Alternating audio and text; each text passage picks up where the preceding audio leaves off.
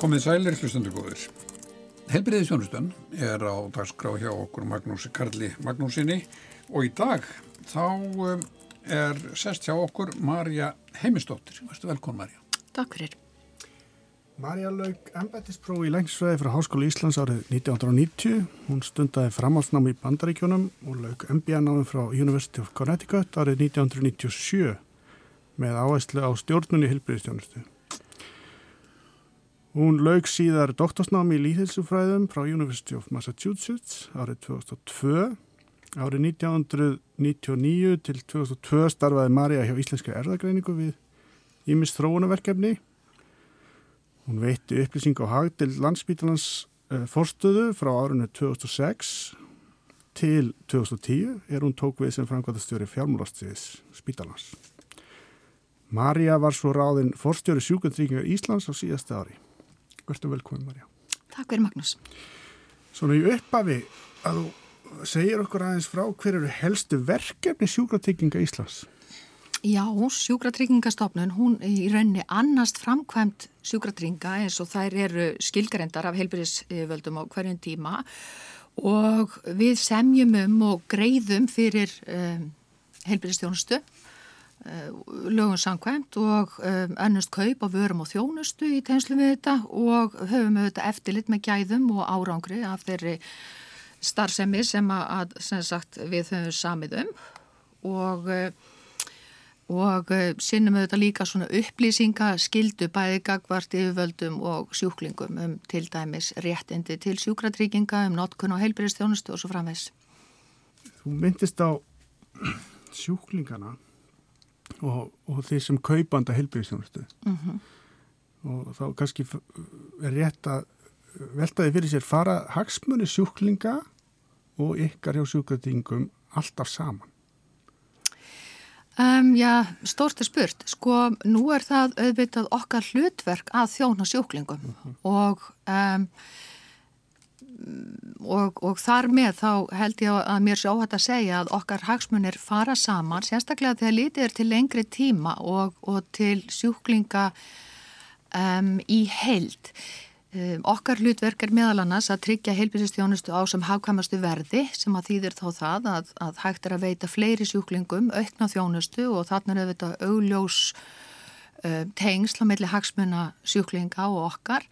Um, og, um, og aftur ef litið er til lengri tíma því meira sem að við stuðlum að því að komi veg fyrir sjúkdóma eða, eða ná tökum á þeim snemma að um, því meiri möguleika höfum við á því að halda nýri kostnaði. Þannig að já, ég held að hagsmunir stofnunarinnar og um, þeirra sem að við þjónum fari sannarlega saman.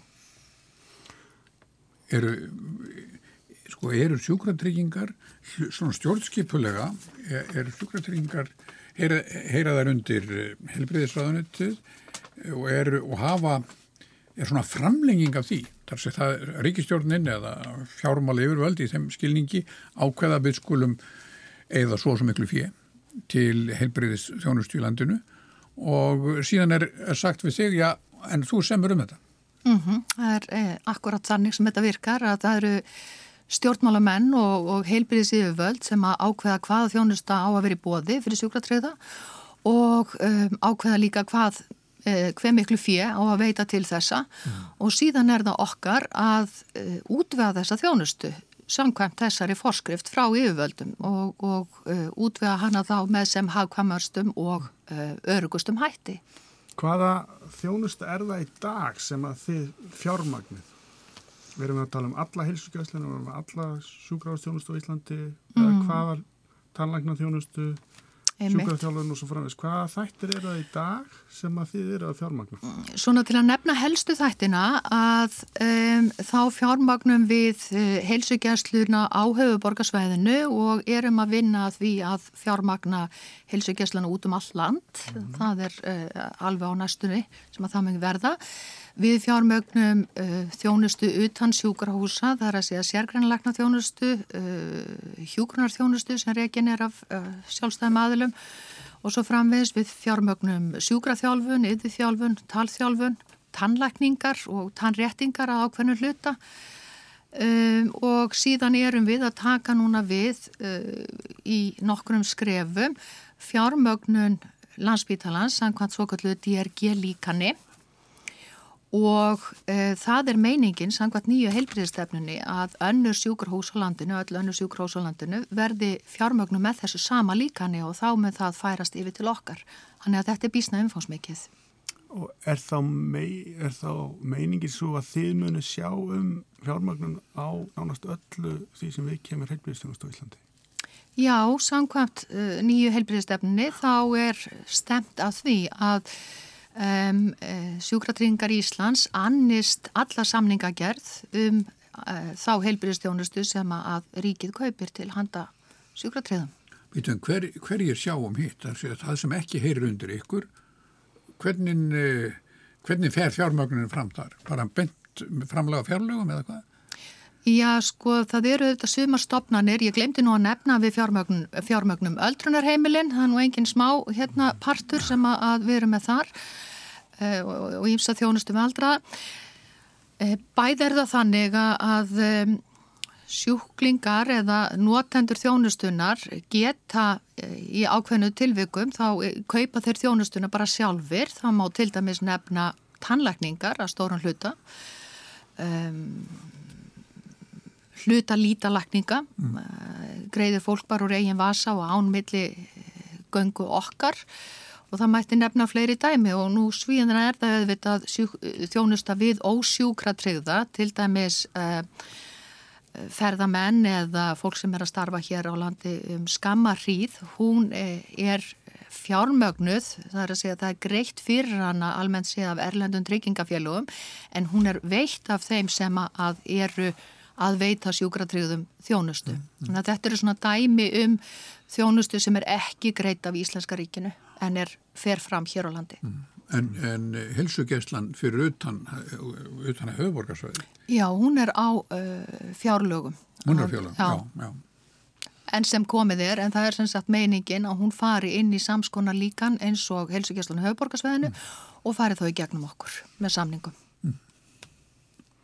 Þannig að þið verðið sjálf og sér kaupendur og greiðendur af allri helbriðstjónustu Já, allri svona með svolun gæsalöpum utanum, já, en, en samkvæmt helbriðstefnu þá er sem sagt e, meiningin að við önnumst alla samningagerð og þá greiðslur vantanlega samkvæmt e, eða sem sagt fyrir það sem að, að ríkið kaupir af helbriðstjónustu.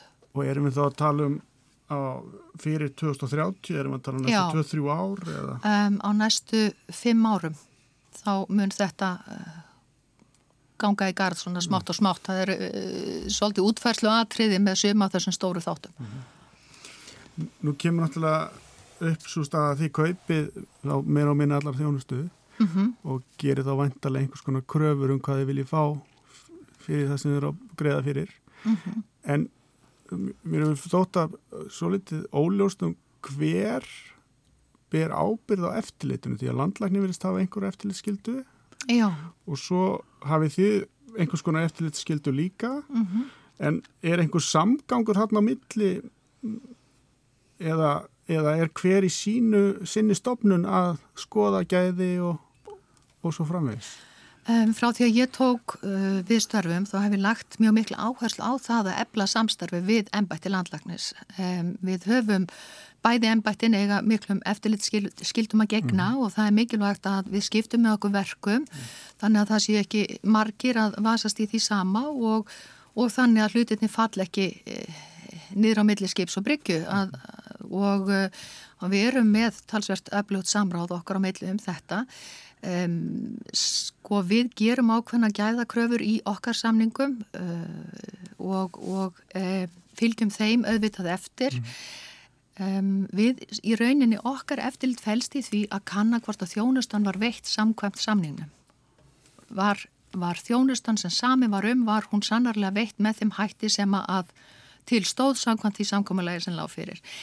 Um, eftirlit landlæknis er uh, faglagsæðlis Um, okkar er það ákveðnuleiti líka en svo erum við líka, líka að fylgja eftir heilmiklum tölum upplýsingum, við erum að fylgja eftir um, kostnadartölum, tíðnitölum og fjölmörgu öðru slíku.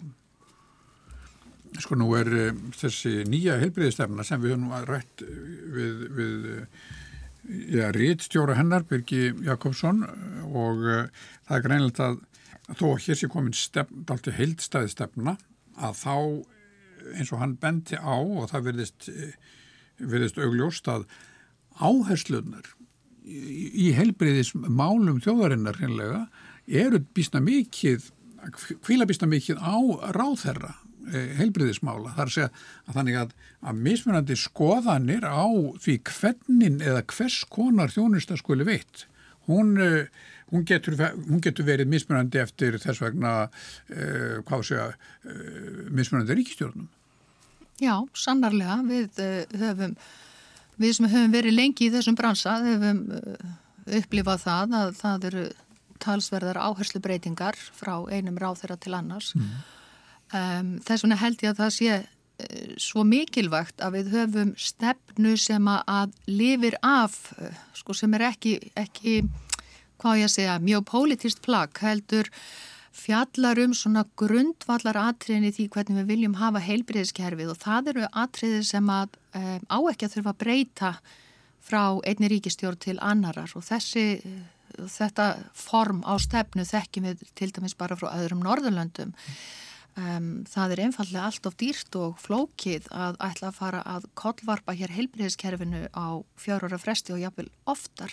Við þurfum að hafa einhverjar skýrar línur til þess að vinna eftir um, til lengri tíma. Ég tel að það sé mjög mikilvægt bæði fyrir sjúklinga og skattgreðendur sem er nú sama fólkið og veitendur þjónustunar sem er líka sama fólkið. Mm, mm.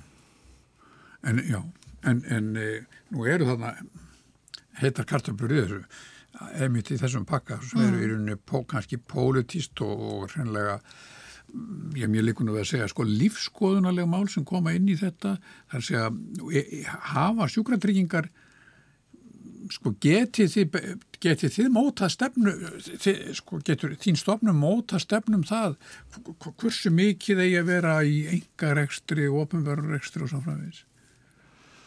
Nei, sko það er það sem við leggjum bara áherslu á það er að fá sem mest fyrir það fér sem að, eh, er sem sagt lagt fram af halvu hérna alþingis.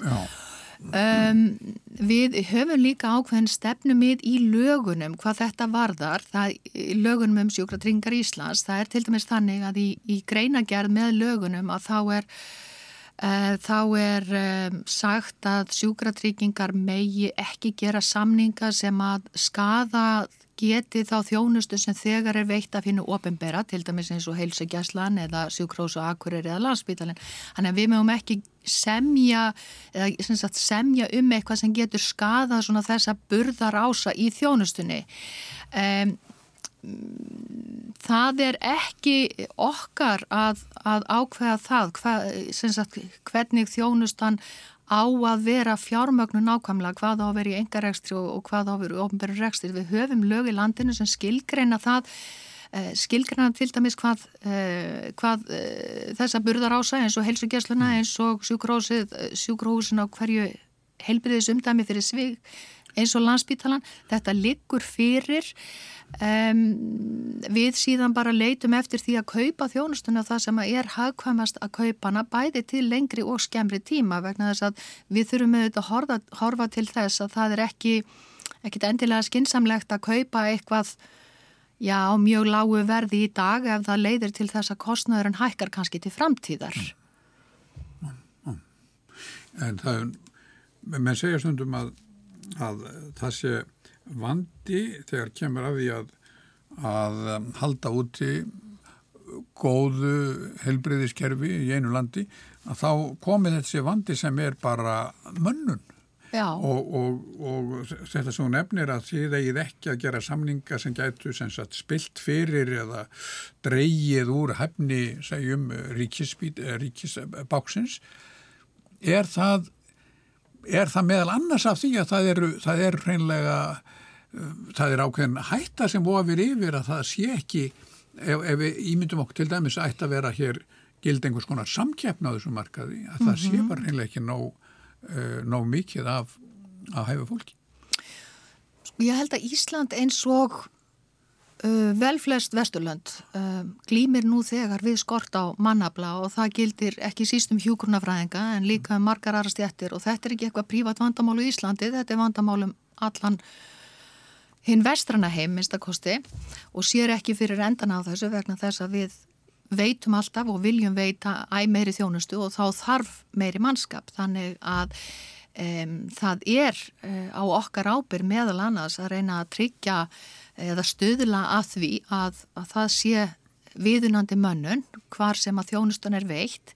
En við þurfum líka að huga megin prinsipum forgánsröðunar í heilbyrðistjónustu og fyrsta prinsipið þar er að bráð og lífsbjargandi þjónusta er alltaf í fyrsta forgangi og ég held að það sé enginn sem að mótmælir því og þetta eru svona um, hvað ég segja, rauði þráðurinn í þeim reglum sem að þjóður hafa sett sér um forgangsröðun í um, heilbyrjastjónustu en að þú byrjar á því að tryggja bæði mönnun og fjármagn til bráðrar og lífsbjargandi þjónustu. Og ég veit að Magnús Karl sem svæðugarlagnu þekkir þetta auðvitað mjög vel. Mm.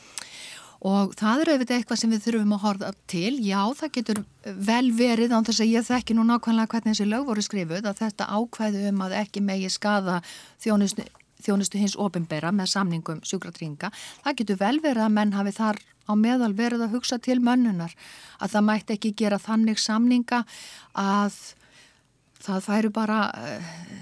Einhver stjætt, hún bara hirfi af sjúkurhósunum mm. til dæmis. En hver er það sem, er það skilgreint í lögunum, hver er það er sem skilgreinir þetta? Eða það segir til um hvort það skadið starfsefnin ekki? Er það sem sjálfur sem segja, heyrðu, þetta er nú ekki í lægi eða Er það ráðuneyti, er það sjúkartýringar? Ég, e, þetta er nú ekki skilgreint en ég hefði nú haldið að það veri, e, það veri bara e, heilbriðis yfirvöld. Já, það veri ráðuneytið, hugsanlega lempa til landlæknis og sjúkartryggingar mm.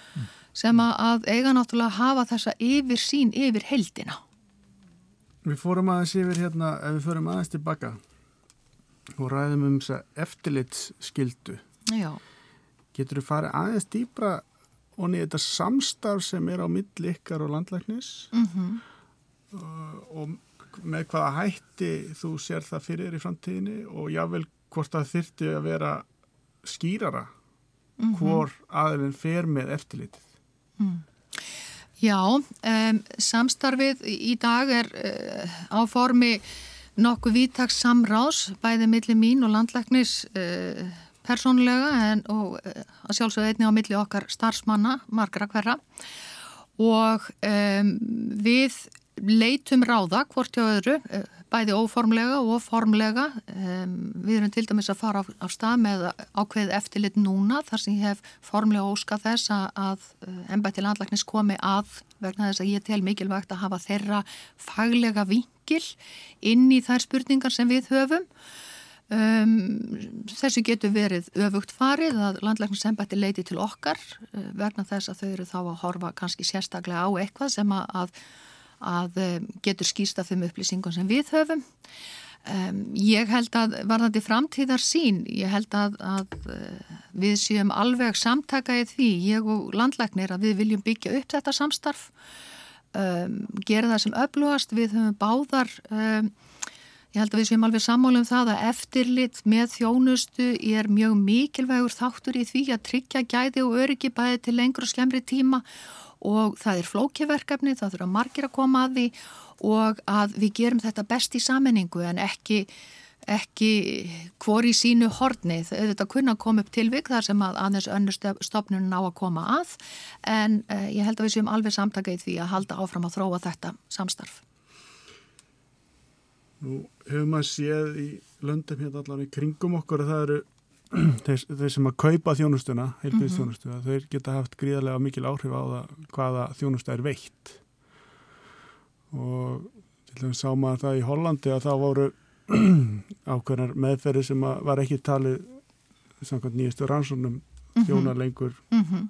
tilgangnum, tilgangnum og þá sögðu þær einfallega eða þau félug sem að þar kosta heilbíðsjónastuð, þau sögðu bara við hættum að borga fyrir þetta mm -hmm. Er þetta hér á Íslandi? Er, er sjúkratryggingar eða landlæknir með nú breyða og þek, breyða þekkingu til þess að geta sett fótið niður og sagt nei við ætlum ekki að kosta þetta lengur þó að það sé búið að kosta það síðustu 50 árin? Þetta er mjög góð spurning og það er alveg skýrt að, að uh, sjúkratryggingum ber að greiða engangu fyrir uh, meðferð sem að hefur verið sínt fram á að skilja árangri. Og, um, og þetta er auðvitað alltaf að breytast eins og þú segir.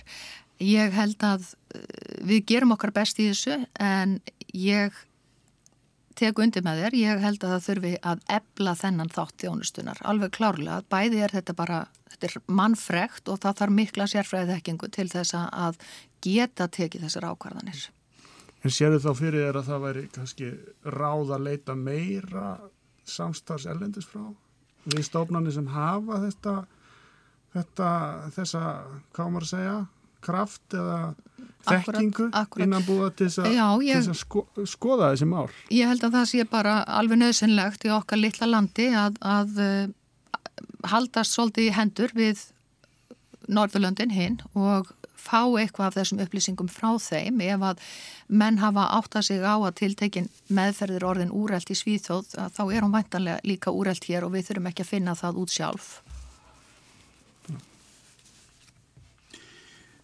þegar sko aðferðin við að meta þetta sem þið hafa verið að nefna hérna mm -hmm. e, ég, minnist þess að landlæknir segði viðtalið við okkur hér fyrir sumar að hún, hún rætt um gæðavísa og, og það er nú orð sem ég held að fólk skilja alveg þessi mm -hmm. gagsætt, gæðavísir mm -hmm. e, hvaða hvaða gæðavísa hafið þið hjá sjúkratryggingum? Mm. Við leggjum á það æg meiri áherslu í okkar samningum að gera kröfur um að menn byrti, deili með okkur og byrti jáfnvel ofinberlega ákveðna, ákveðna gæðavísa. Ég get sem, nefnt sem dæmi að í samningum við heilsugjæsluna að þá erum við með ákveðna gæðavísa til dæmis um uh, aðgengi, hvernig, hver, hversu fljótt geta þeir tekið sjúklingana uh, þegar þeir hingja á bóka tíma. Um, hversu stort hlutfall sjúklinga sem að er á ákveðinu heilsugjastlustöð neyðist til þess að fara á, á bráðamáttökunna eða á læknavaktina. Þetta eru gæðavísar um aðgengi. Við erum líka að vinna þarna með gæðavísa um árangur ákveðina meðferðar eins og til dæmis við sikursíki, við háan blóðhrustingi og svo framvegis og þetta eru gæðavísar sem eru sko, hvað ég að segja, um, byggðir á mjög góðum rannsóknum og eru svona alþjóðlega viðurkendir mælikvarðar á um, aðgengi og, og gæði eða árangur meðferðar. En haf, gæti svo stað að koma upp að, að þið hefðu samband við eh, einhverja stofnun, helsugæslu stöð eða einhverja stofnun og, og, og segi sem svo, já, þið standi ykkur bara ekki nógu vel, þið fáið ekki meiri peninga. Já, þá þurfum við auðvitað að skoða hvaða heimildir við höfum í samningum og við höfum ákveðnar heimildir í samningum nú þegar og við erum að þróa það áfram í okkar samningum að setja einn svona skýrari leikreglur í kringum þetta að hvað gerist ef þú byrtir ekki þessar upplýsingar eða ef að gæðavísir en næri ekki einhverjum viðmiðum sem að eru fyrirfram skilgrein. Hvað, hvað gerist þá? Hvaða ferli fer í gang? Og um, þetta er auðvitað langklöp og þarf að vinnast í góðu samstarfi við til dæmis ennbætti landlæknis og sjálfsögðu veitundur þjónustunar en við höfum þessa fyrirmynd annar staða frá bæði austanhafs og vestan að það eru ákveðin viðurlög við því ef þú, ef þú nærð ekki skilgrendum markmiðum í kæðavísum að það getur leitt til þess að þú fáir ekki meira borgað eða þú fáir um, einhvers konar ég ætla nú ekki að segja refsingu en einhvers konar um, hérna, það verði einhverja neikvæðar afleðingar af því ef að gæðin er ekki sem skildi. Aðalatrið eru þetta að menn síðu góðu samræmi, samstarfi um að þróa gæðin. Sko við þurfum alltaf að hafa bæði gullrót og staf eins og Amerikan kann að segja að auðvitað viljum við vinna með okkar samningsæðilum um að þróa gæðin.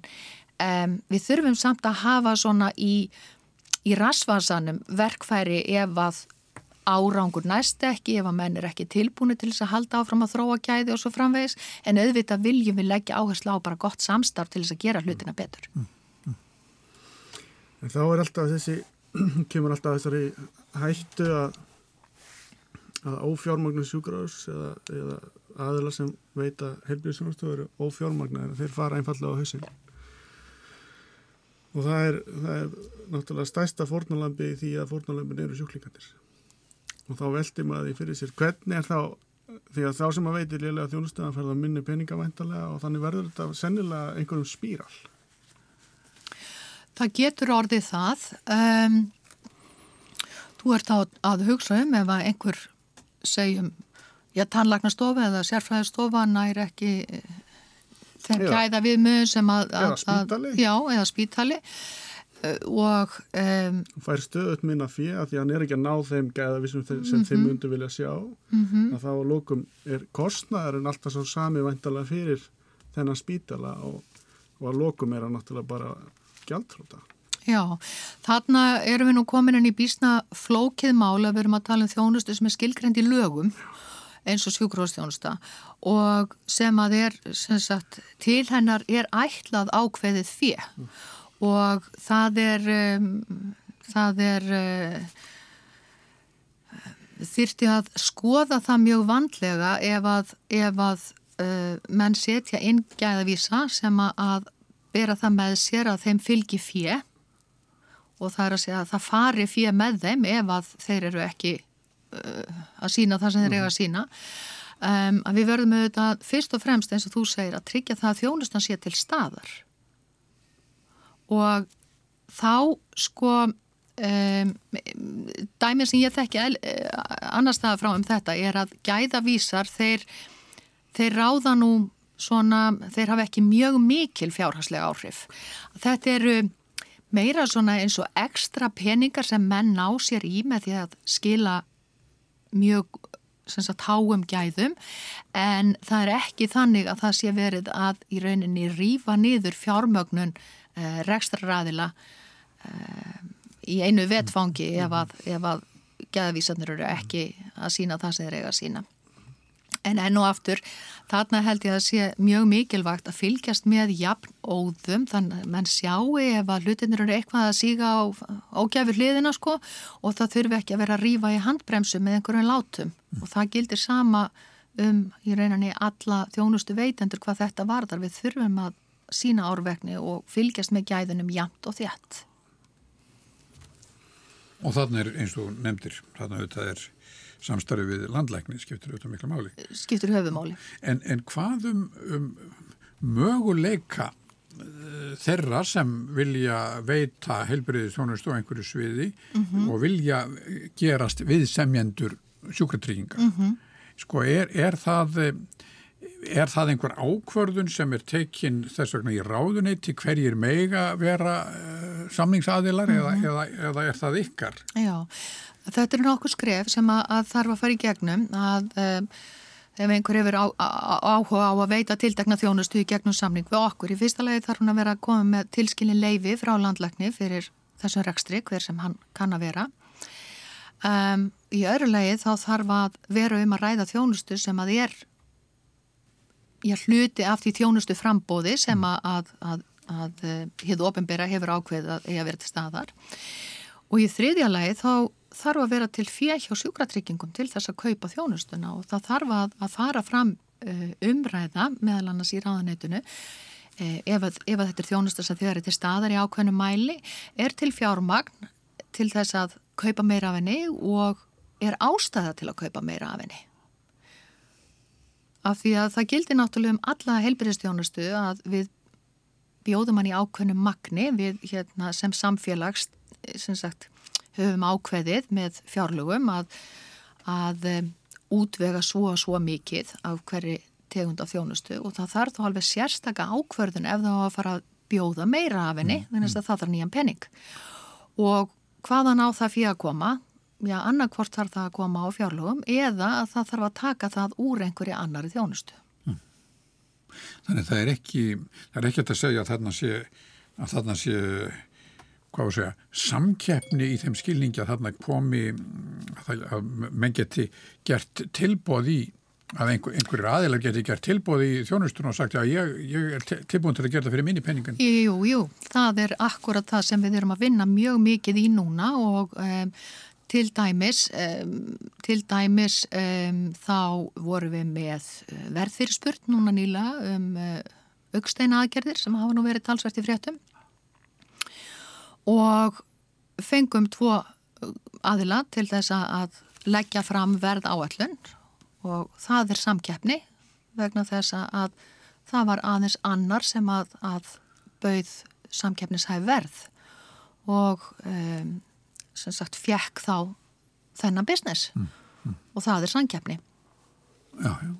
En og þarna eh, gátum við sagt, með því að, að þessu góða samstarfi við veitanda þjónustunar að þá verður hægt að þjóna alltaf 50 sjúklingum í viðbót fyrir sama fjö og það hlýtur að vera eitthvað til að fagna. Já, en þegar þú, en, en við, hvað sagður, viðmiðunar hæft verð, er Já. það þá einhvers konar, er það, er það þá eins og, er sá grunnur fengin úr ofnbæri kerfinu eða hvað?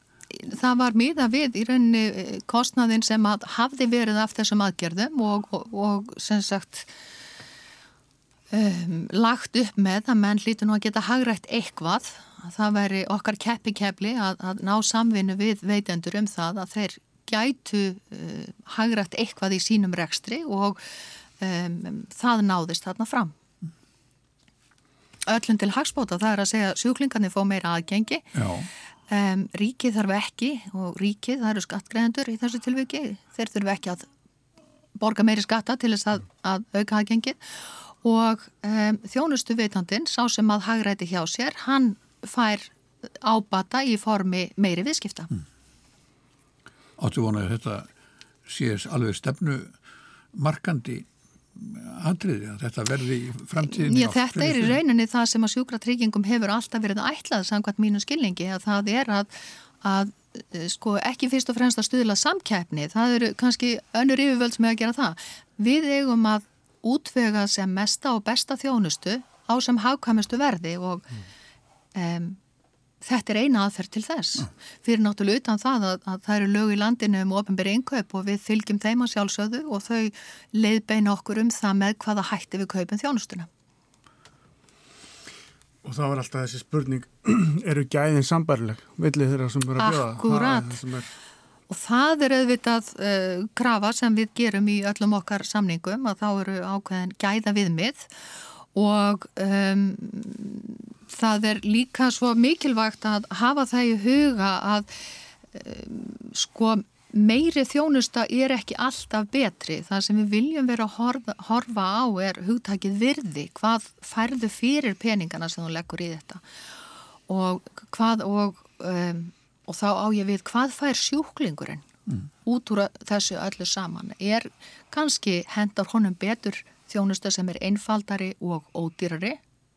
Kannski þarf hann dýrari flóknari þjónustu en við verðum alltaf að bera saman árangurinn og fjármagnir sem við lögðum uh, í það til þess að ná þessum árangri. Þannig að það er alls ekki nóg að skoða bara umfang, umfang uh, þjónustunar alltaf að skoða þetta jafnvægi á milli gæða árangurs peninga. Mm.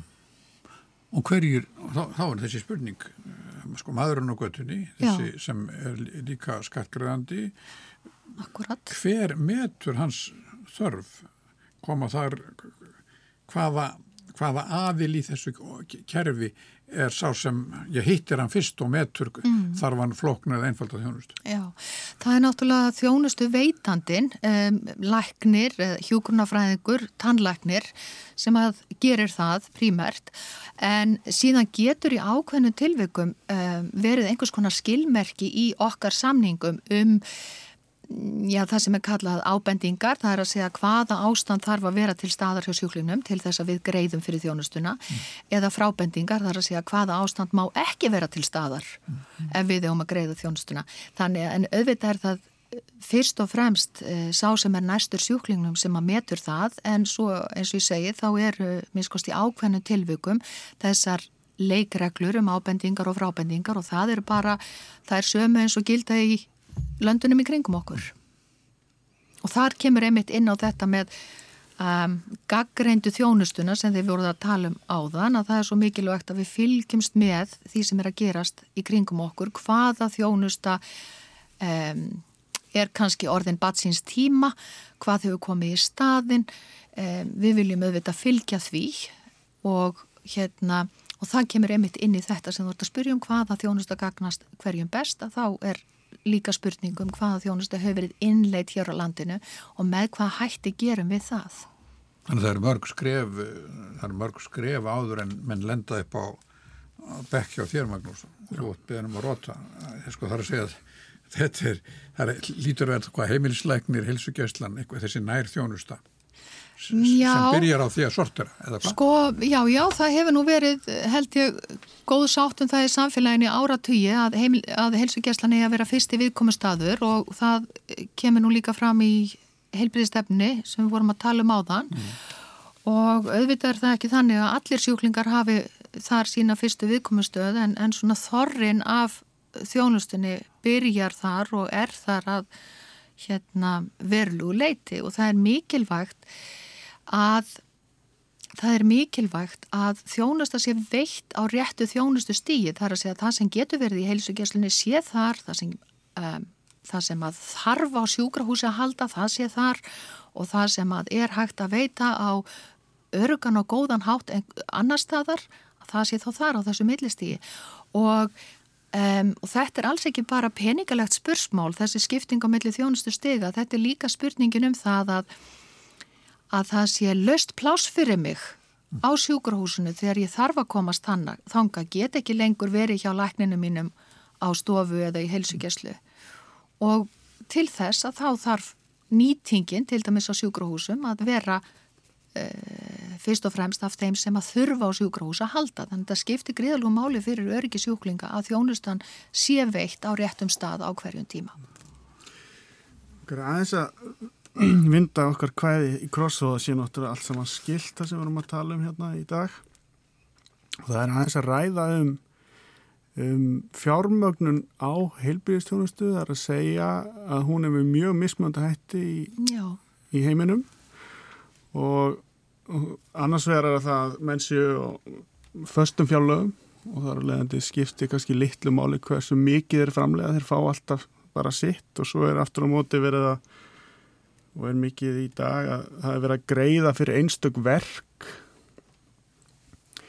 getur það aðeins farið og, og svo kemur núna í helbiðistefnu það sem er að kostnaða greina mm -hmm. hvert, hvert mm -hmm. læknisverk eða hvert mm -hmm. helbiðistjónustu verk og svo nú frekar almennt um þetta Sko, hefur skoðin á því, ef við tölum um kostunar mótel almennt, hvað er, við getum kostnaðagrænt hlutina, en hvert er besta kostnaðan mótel sem er í bóð í dag og þá er ég kannski að vísa svolítið til að ef að einhver skjólstæðingur eða, eða leitar til heilbíðastjónustöðu og sá sem veiti þjónustuna það er mhm. einungis greitt ef hann gerir eitthvað mm -hmm. í mhm. staðin fyrir að tala við viðkomund og segja, heyrðu þetta er nú kannski ekki best að við gerum þetta svona heldur sko, hefur það áhrif þá ég við eh, hefur kostuninn áhrif á heilbríðstjónustuna Já,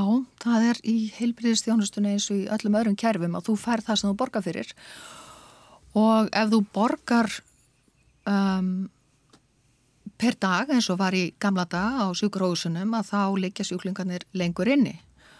Um, ef þú borgar per verk að þá færðu fleiri verk og þetta er í rauninni, það er ekkert óeðlilegt eða það er ekkert, ekkert óheiðarlegt við þetta, þetta er einfallega bara mannlegt eðli.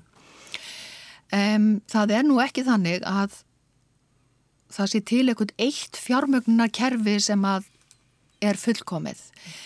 Um, fyrir sjúkrahús að þá um, er yfirlegt um einhvers konar það sem hefur verið kallað uh, sko, framleiðslu tengt fjármögnun að þá fá þau einhver, einhvers konar uh, grunn greiðslu fyrir hvert ár og síðan fá þau borgað e aukalega ef að framleiðslan fer yfir eitthvað sérstakt Þannig að það er ekki borga fyrir hvern einasta sjúkling en það er borga aukalega ef að framleyslanur og orðin umfram það sem að rekna var með.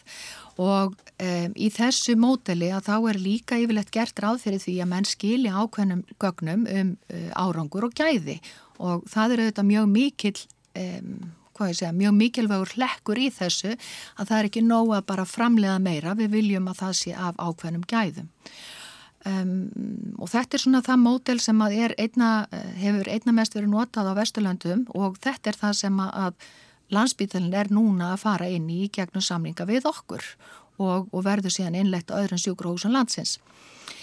um, hvað varðar um, svona verk á stofu, við getum tekið sem dæmi sjúkraþjálfun sérgrannlækna og tannlækna. Og ágæta kannski muna það að þetta er ekki bara einn stjætt sem er á stofum þá hefur í gegnum tíðina verið borgað uh, perverk og amerikanar hafa kallað þetta fee for service. Almennt séð um, þá þykja slík kerfi ekki góð. Og amerikanar sem að um, notuðu nú lengi vel þetta kerfi, þeir hættu með þetta upp úr 1970 held að það hafi verið þetta í tíð Nixon sem var hætt við svona einfaldar verkreislur af því að rannsóknir þar síndu að þetta leiti ekki til aukina gæða en leiti hins vegar til mjög aukins kostnæðar. Um, þá hafa menn verið að reyna að finna svona heildstæðari aðferðir til þess að greiða fyrir eh, þessa stofu þjónustu, þessa mikilvægu þjónustu eins og til dæmis þjónustu sérgrænleikna, tannleikna, sjúkraþjálfara og þá er verið að horfa einmitt meira á árangur. Eh, ég tek sem dæmi, við skulum bara taka einfaldan hlut. Ef þú ert að sinna sjúklingi með háþristing, nú eiga auðvitað flesti slíki sjúklingar að vera á, hjá helsugjæslunni en ekki á sérfræðistofu en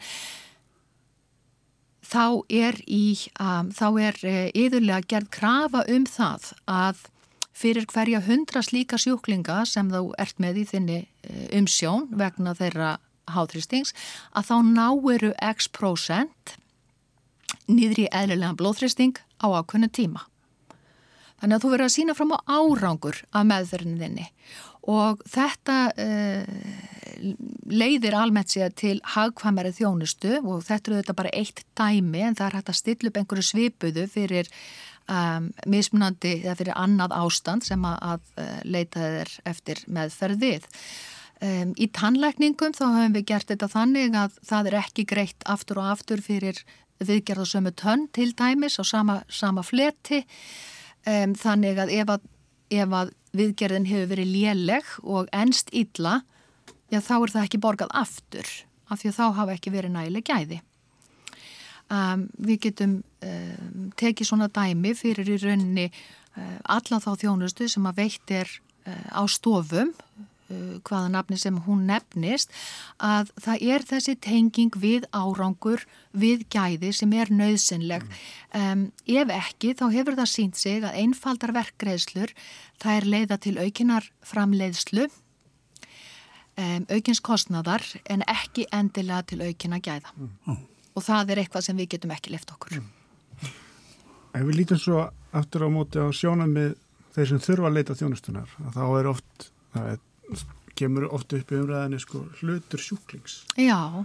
Hversu hár eða lár hann á að vera og Einmitt. hvort að það haldi aftur að fólki að leita sér nöðsynlega læknistjónustu mm -hmm. eða hvort að það hva, hver er skoðun sjúkratring á Íslands hvað það hlutfell á að vera?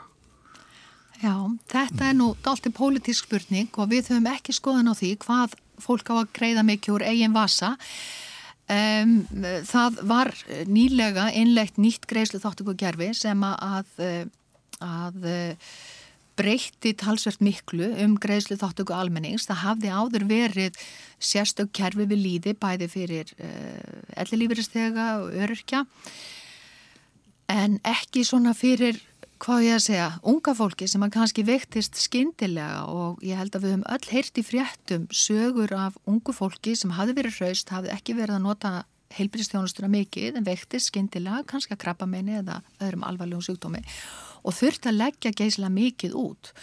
Um, tilgangur með þessu nýja greiðslu þáttöku kerfi sem að koma voruð 2017 var einmitt að rétta hlut þessa hóps að það væri ekki svona óskaplegt fjárhagslegt áfall fyrir um, þennan hóp að lenda í veikindum og um, tölur sína að þetta hefur náðst að uh, verulegu leiti, en það má alltaf auðvitað gera betur.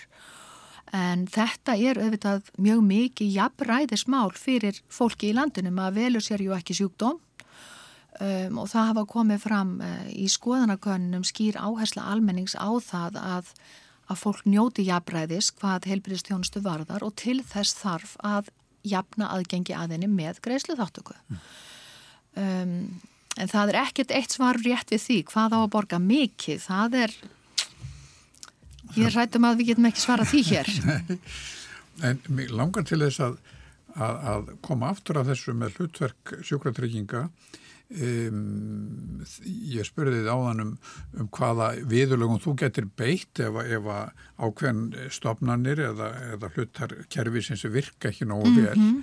og þá það, það kemur þá upp í hugan þetta með byðlista þar að segja að þegar kerfi virðist einhverju út af vegna ekki virka Já. nógu hratt og vel Já. þú ert að býða í þrjárvíkur eftir viðtal við heimilisleiknin þú ert að býða mánuðum saman eftir liðskipta aðgerð og svo frá eins og framvís mm -hmm. hvaða getur þú sagt við ráð þeirra já ég er búin með alla peningana en, ég, en te, þeim er ekki nógu vel varð vegna þess að þessu og þessu stofnum stendur ekki nógu vel hún á ekki skilja að fá þessu peninga Já, ég geti eflust sagt það, ég, ég veit ekki hvort að, að uh, við ættum að horfa þannig á það, sko varðandi bygglista að þá, sko,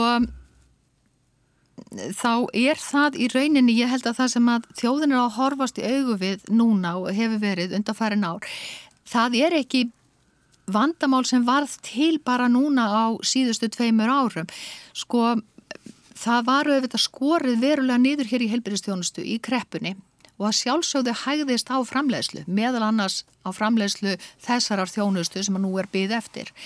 Um, það er ekki fyrir núna á allra síðustu árum sem að farið er að bæta um, almennilega við fjármagnin í heilbyrðiskerfið og þá fara svona hjólinn að snúast svolítið hraðar en við sitjum ennþá uppi með gamla kúvin frá því uh, á kreppa árunum kannski mm síðan er annars sem skiptir máli og það eru verkföll heilbreyðstjætta sem að, stóðu hér all lengi kringum 2015 ef ég mann rétt og auðvitað dró verulegu framlegslu. Mm. Þannig að þessi tveir atbyrðir um, urðu til þess að það jökust uh, eða lengdust mjög bygglistar eftir ákveðinni þjónustu og um, og við erum ekki enþá búin að vinna það niður og mér finnst mikilvægt að þetta komi fram að þetta er ekki sem sagt um, já, það er þessi gamli stabbi sem er svolítið að þvælast fyrir okkur, ekki endilega framleiðslan eins og hún er í dag og ég held að sé mikilvægt að þetta komi fram.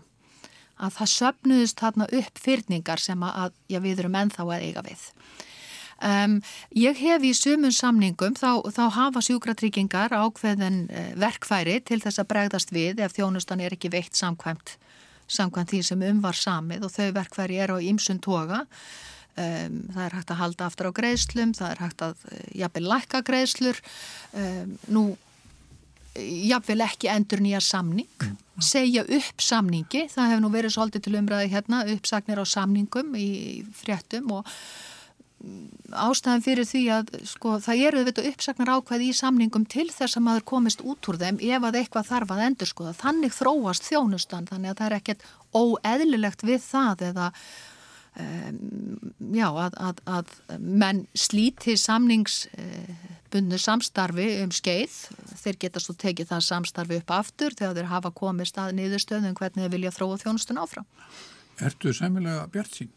Þú rítur um að þetta að íslenska helbriðiskerfið uh, rétti úr kútnum þessi kúfur svo nefndir að hann, hann færi lækandi um, Já, ég er mjög bjart sín, ég er það alltaf. Um, Við erum með gott heilbreyðiskerfi, það má margt gera betur og um, það eru bara verkefni til að vinna. Það þarf að, það, það að ná niður þessum bygglistum, það er langklaup og það þarf margar aðrar aðgerðir til heldur en bara það að fjölga aðgerðum. Um, eins og kom fram í nýleiri skíslu landlæknist til dæmis að þá er mikilvægt að tryggja aðgengi fólks að annari þjónustu.